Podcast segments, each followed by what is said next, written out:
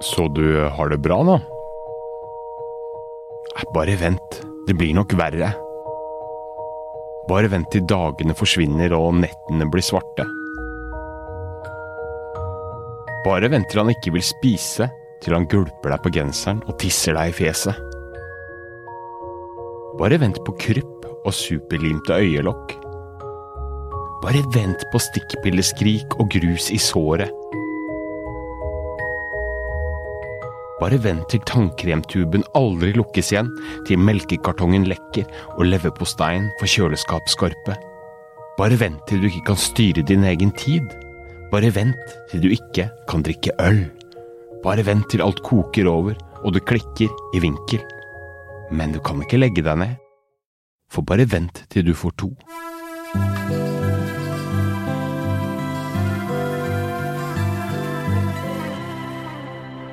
Hei og velkommen til en ny episode av podkasten Foreldrekoden med psykolog og familieterapeut Hedvig Montgomery. Hallo. Hei. Hei. Du hørte nettopp meg selv, som heter Bjørn Egil Halvorsen, eh, og det var jeg da, som leste opp et utdrag fra en spalte jeg skrev for noen år siden, fra da jeg skulle få mitt eh, første barn. Følelsen jeg fikk da denne gutten skulle komme til verden, var det at mange rundt meg kom med veldig mange påstander, som sikkert var ment som eh, gode råd, men det fremsto litt mer som sånn dystre frempek og eller mer eller mindre skråsikre profetier. Og jeg tror kanskje at en del kjenner seg igjen i nettopp dette, Hedvig, tror du ikke det? At man dynges ned av råd. Fra besteforeldre, fra venner og bekjente, eller fra mer eller mindre selvutnevnte eksperter. Jo jo, altså verden er full av råd. Og jeg tenker det er jo også noen ting fint i det at vi har så lyst til å gi noen ting til folk som uh, ikke har kommet dit vi er ennå. Ja. Liksom gi, et, eh, gi vårt beste. Uh, jeg tenker på det når jeg hører din artikkel fra seks år tilbake igjen, da, at på svensk så finnes det et uttrykk som heter olyckskorpar. Det er de som ligger foran med å fortelle alt som kan gå galt når du selv opplever noe fint. Så har du fått en fin bukse, og så sier de ja, fin bukse, men du vet det er typisk sånn stoff som krymper. Og skal du på ferie, så sier de ja, det er sånn, jeg husker at vi var der, og da regnet det tre uker i strekk. Ja, altså, de, ja, ja, ja. De, de har en evne til å legge frem det som kan gå galt i enhver situasjon, På andres vegne. på andres vegne. Ja. Uh, og ja, hva, hva fører det til? Det føler i hvert fall til at du får en litt sånn åh, det, du får ikke så lyst til å fortelle om hyggelige ting eh, til de som alltid skal begynne med å skyte ned. Mm. Eh, men ja, men kanskje er det en måte å vise erfarenhet på. Jeg vet ikke. Besteforeldre. Når disse kommer inn i bildet, kan det fort gå en kule varmt. Mange er veldig hjelpsomme, men de kan også fremstå litt gnålete om at er det ikke litt for mye trekk her?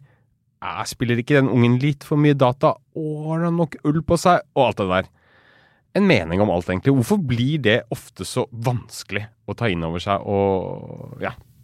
Altså det å være i familie er jo vanskelig. ja, ja. Uh, og det er jo utrolig interessant at veldig mye av det som er vanskelig når du står midt oppi det med småbarn, kommer du til å viske litt bort fra hukommelsen din. ja man senere. glemmer det jo. Man glemmer det, rett og slett.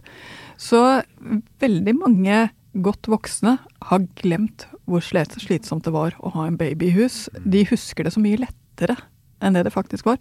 Og dessuten så sitter de jo med fasit. Det har gått bra. De har en voksen eh, kvinne eller mann som nå har fått egne barn. De har på en måte klart det. Ja. Uh, og da er det kanskje ikke så rart at du ikke husker hvor utrolig mange runder du gikk i huset med baby på skulderen, og hvor eh, mange ganger eh, det måtte til før eh, barnet klarte å, å spise med kniv og gaffel, hvor mange år det faktisk tar. Ja. Så jeg, jeg ser av og til at de som har levd en stund, blir litt lurt av sin egen livserfaring, og blir litt lurt av det mest upålitelige organet vi alle har, nemlig vår egen hukommelse. Ja. Fordi vi husker så selektivt. Så det ene er det det handler om. At, eh, at de som er godt voksne, rett og slett kan være litt feil ute med hva de husker, og, og hva de mener og var, var sant fra Mm. den gangen da. Det andre det er det at det er så unikt å stå der med ditt eget barn. Og så kommer det noen som sier Men det er ikke nødvendig i det hele tatt. Altså, det skal så lite til av litt sånn punktering av det du selv kjenner er veldig, veldig spesielt. Mm. Eller ja, men sånn har alle det. Mm. Eh, altså, uansett så kjennes det ut som om du bare blir viftet til siden. Mm. Og det er jo ingen tvil om at du har ikke lyst til å bli viftet til siden av dine gamle foreldre. Eller for enda verre, du har ikke lyst til å bli viftet til siden av din eh, kjærestes foreldre.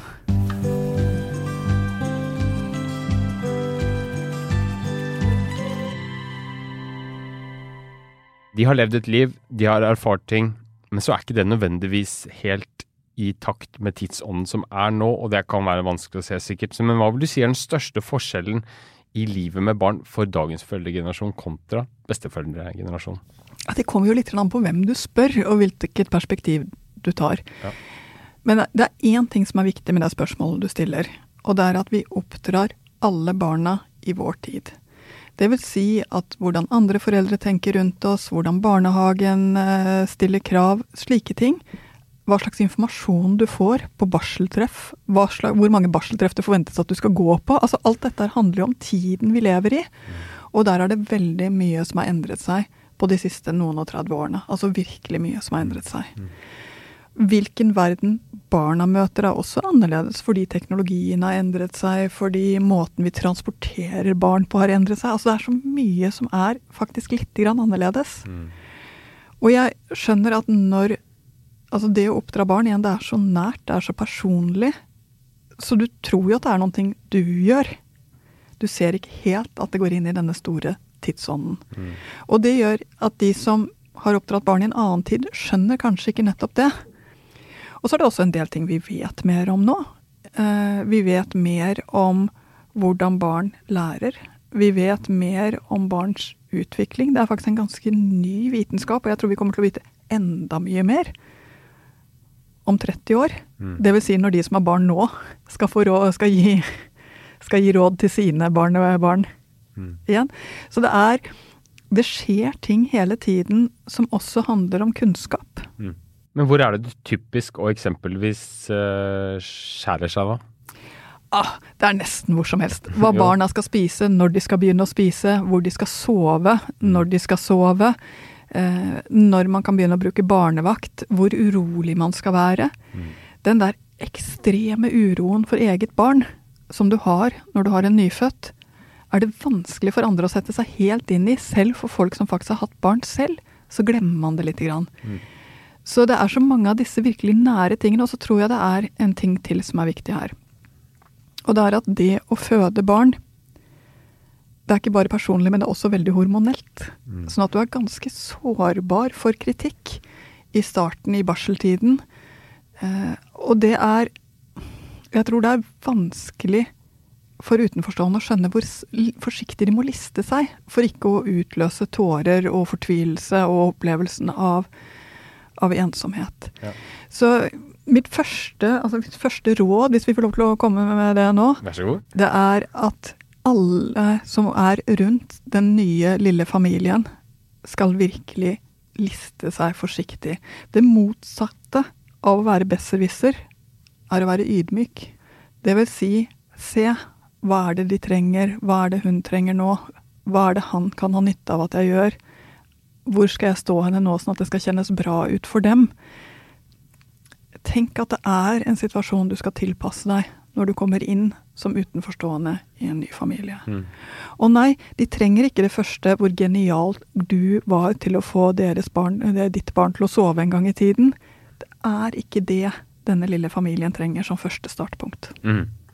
Men hva gjør man hvis man går litt, man går litt utover det helt ny, nyfødte? Altså, hva gjør man hvis besteforeldre, eller andre, da, begynner å, å liksom oppdra, aktivt oppdra, kommentere eller irettesette barnebarna, da, som ikke er i, i tråd med eh, egne, eller foreldrenes eh, hva skal man kalle det, verdier eller filosofi da, om barneoppdragelse? Ja, dette er jo enda mer nært enn filosofi. Det er ikke lenge siden jeg snakket med en uh, mamma som uh, hadde et barnehagebarn. Og som hadde hatt en fullstendig breakdown etter at hun hadde vært hjemme hos sine foreldre med sin eh, fine og Hva kan han ha vært for noen ting? Tre, fire, fem år? eh, Barnehagebarn. Ja, ja. Uh, Og foreldrene var blitt så utrolig opprørt over at han ikke likte potet. Og hadde gått så hardt løs på potetsituasjonen.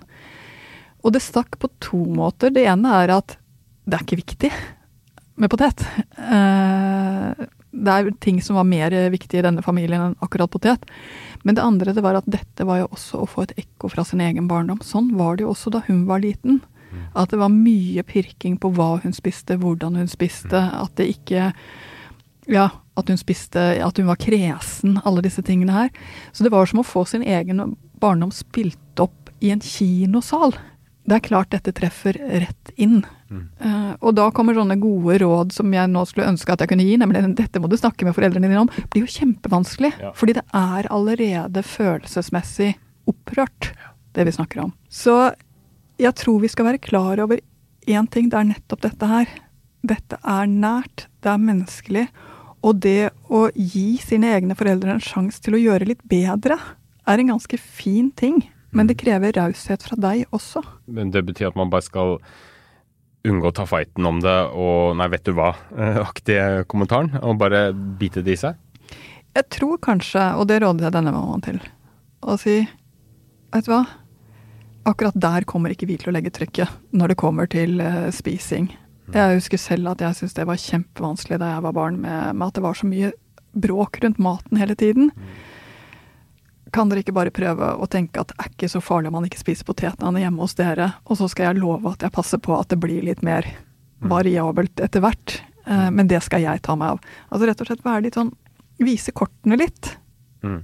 Men uh, på en sånn måte at det går an å ta imot. For igjen, voksne mennesker er ikke alltid så lette å rådgi.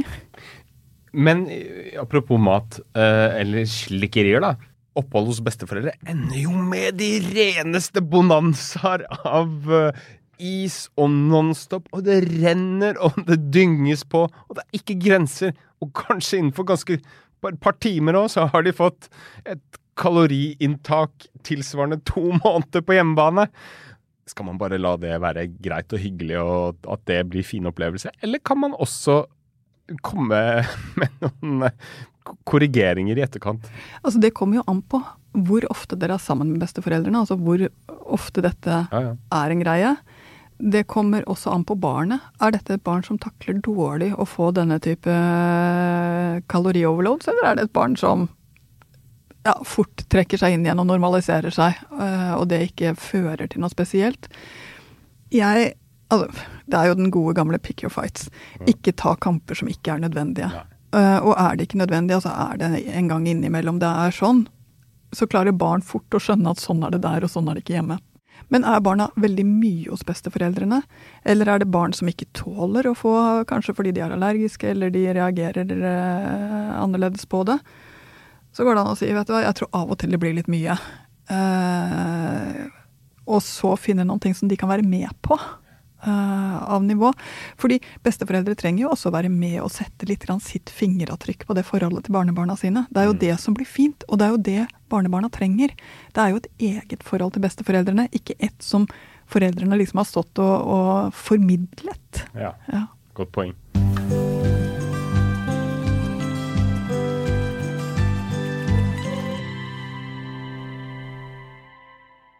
Du var inne på tidsånden i stad.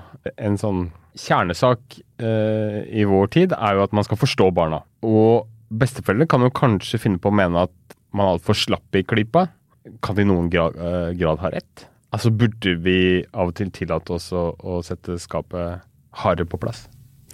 Altså Jeg tror av og til at det lille utenfra-blikket som annen i nær familie kan komme med, er litt nyttig. Fordi vi blir litt blinde i det mm. vi går inn i selv. Og at av og til så har man gått seg fast i mønstre. Eh, jeg husker at eh, Og dette er jo en del år siden, men eh, med min eldste så var det bare oss to. Og det gjorde at jeg Og vi er ganske like i måten vi er på, i måten Altså, lett, han har lett for å forstå meg, og jeg har veldig lett for å forstå ham. Så det gjorde at han trengte egentlig aldri å be om noen ting. Fordi jeg visste hva han ville. Jeg visste om han trengte å gå ut, eller om han trengte mat, og hva slags mat, og sånne ting. Og da var det en nær venn som sa at vet du hva, jeg tror av og til at du kan vente til han ber. Jeg tror av og til at du kan la ham få lov til å si det, selv om du visste det for ti minutter siden. For det er ikke så dumt for ham å få lov til å kjenne det der. Og dette var faktisk et råd som Jeg kunne jo ha tenkt at det var et besserwisser-råd, men det passet jo faktisk. Det var helt sant. Jeg kjente at det stemte jo. Jeg tok bort noen ting i denne lille guttens læring, som egentlig er fint. For det er fint å kunne uttrykke 'jeg har lyst til', 'jeg trenger', 'jeg er sulten'. Jeg, altså, å lære seg å, be om ting. Mm. Uh, og den sjansen ble litt borte når jeg var så veldig foran hele tiden. Fordi han var så nydelig og så fin, ikke sant. Eh, så det der lille Jeg erfarte i hvert fall da at det av og til så kan disse rådene være fine. De kan jo være noen ting du trenger. Selv om jeg først selvfølgelig ble litt fornærmet, for jeg ville jo bare det beste, så klart. Eh, men det hender jo at dette utenfra-blikket er nettopp det du trenger for ikke å bli stående fast. Mm. Og du spurte om er det mye sånn forståelse av barn som av og til gjør at, at det nesten blir for mye. Og i noen familier er det sikkert riktig, i andre familier ikke. Eh, Men man kan gå seg litt fast som foreldre i sine mønstre, og da, da kan det jo være godt at noen sier, vet du hva, jeg ser jo hva du gjør for noe, det er kjempefint at du gjerne eh, vil, vil vite hva barnet ditt føler, men av og til så trenger han bare at du sier, men du, nå går vi og legger oss.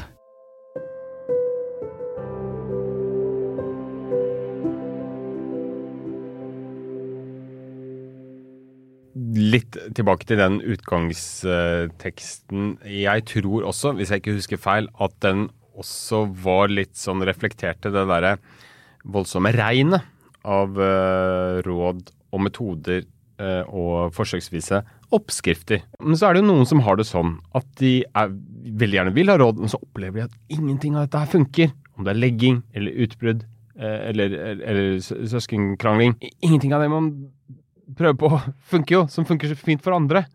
Hva, hva skal man gjøre da? Altså, dette er så utrolig merkelig, for det finnes ikke et råd som passer for alle. Og det finnes ikke én måte å være sammen med på mennesker som rett og slett er overlegen alle andre. Eh, det kommer av flere ting. Det ene er at variasjonen er altfor stor. Vi er for forskjellige.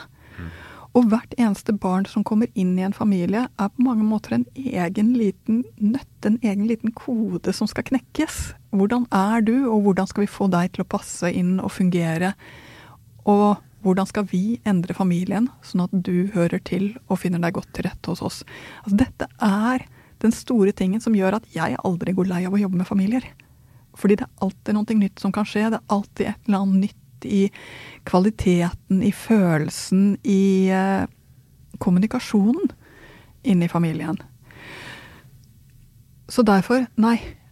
De store universalrådene finnes ikke. Og jeg pleier ofte å si at det er de samme som vet nøyaktig hvordan man skal gå ned i vekt. For det har nemlig de klart. Det er de samme som vet akkurat hvordan man skal legge barn og få dem til å sove, for det har nemlig de klart. Ah, Og så følger du den eh, måten å gå ned i vekt på, og hva skjer for noen ting? Du blir sulten, sur og går opp. Eh, og hva skjer for noen ting når du følger metoden for å, å legge unger? Eh, Barnet er mer ballstyrig enn noen gang og har aldri sovet mindre noensinne. Altså, det, det passer bare ikke. Så det gjør at denne flommen av råd er bare nøyaktig passe nyttig. Eh, fordi noen ting er fint. Vi sitter jo her og snakker om dette her. og det som er fint med å snakke og høre og lese, det er at man tenker hva passer for oss, hva skal vi prøve, hva kan tenkes å være ålreit hjemme hos oss, og hva skal vi ikke gjøre. For det er jo den tryggheten som gjør at du tar ledelsen i egen familie, at du blir den kule lederen som eh, kan liksom si ja, fint at det funket for dere, eh, og så skjønne at ditt barn er det kanskje noe mer, men kanskje er det en grunn til at den søvnen ikke kommer som er et eller annet fysisk, kanskje er det noe annet. Det er noen ting med å sette seg i den lederrollen, og det er også å sile råd. Og jeg tror også vi skal være klar over at noen barn trenger mye mer skreddersøm enn andre barn. Det kan være noe spesielt. Det kan være en oppmerksomhet som glipper altfor lett. Det kan være en eh, evne til å tilpasse seg som kanskje er litt lav. Da blir standardrådene nesten en sånn pirking i øyet, en slags hån om at dette her, ingenting funker hos dere. Men sannheten er at dere er på vei til å lete, dere er på vei til å finne det. Det bare tar lengre tid. Ja, og da hjelper det jo kanskje ikke akkurat med alle besserwisserne som står rundt deg og mener at de har oppskriften for akkurat deg og dine, da kanskje? Jeg tenker ofte på besserwissere slik. Nemlig snille folk som prøver å være til hjelp, men som ikke har funnet en måte å være til hjelp på. Ja. De mangler en metode, ikke sant? Mm. Eh, og det tror jeg kan ramme oss alle sammen nesten når som helst. Vi vil mer være til hjelp enn det vi faktisk klarer, og så blir vi besserwissere. Mm, og så er det viktigste å tenke på da, når man skal eh, tror man har noe, man, noe smart å fortelle andre foreldre. Ja, igjen, det motsatte av å være besserwisser er å være ydmyk. Det vil si, se alltid an den du snakker med. Hvis du hadde vært i hans eller hennes sko, hva hadde du likt å høre? Hva hadde du kunnet ta til deg? Hva er det du ikke vet om denne situasjonen som gjør at det kanskje ikke er så smart å si det du sier akkurat nå? Altså det er jo igjen dette at du må høre ordentlig etter for å kunne gi noen ting verdifullt av råd. Og der er det ganske mange av oss som har litt å gå på, tror jeg. Mm. Så jeg tror at det å dyrke den der ydmykheten litt i møte med andre familier, enten det er nabofamilien eller det er barnebarna, det, det tror jeg kan gjøre oss litt bedre som samfunn. Eh, Og så tror jeg også at når du står der og kjenner på din egen fortvilelse, så er det lett å trekke seg unna de som faktisk vil hjelpe. Det er lett å tenke på dem som mindre vennlige enn det de egentlig er. Fordi vi skammer oss ofte litt når vi ikke får til egne barn. Det får oss til å, å gjemme oss, istedenfor å se opp og tenke gjennom hvem er det som faktisk kan være til hjelp i denne situasjonen. Og da runder vi av med de gode ordene der. I neste episode skal vi snakke om ungt kroppspress og sosiale medier. Om du ikke vil vente, ligger både denne og flere helt nye episoder tilgjengelig i Podme eller via Aftenpostens app. Her ligger også hele Foreldrekodens katalog, bestående av over 90 episoder. Vil du komme i kontakt med oss, så kan du sende en mail til foreldrekoden at aftenposten.no, og du kan også kontakte oss via Instagram. Vi er tilbake om en uke. Vi høres.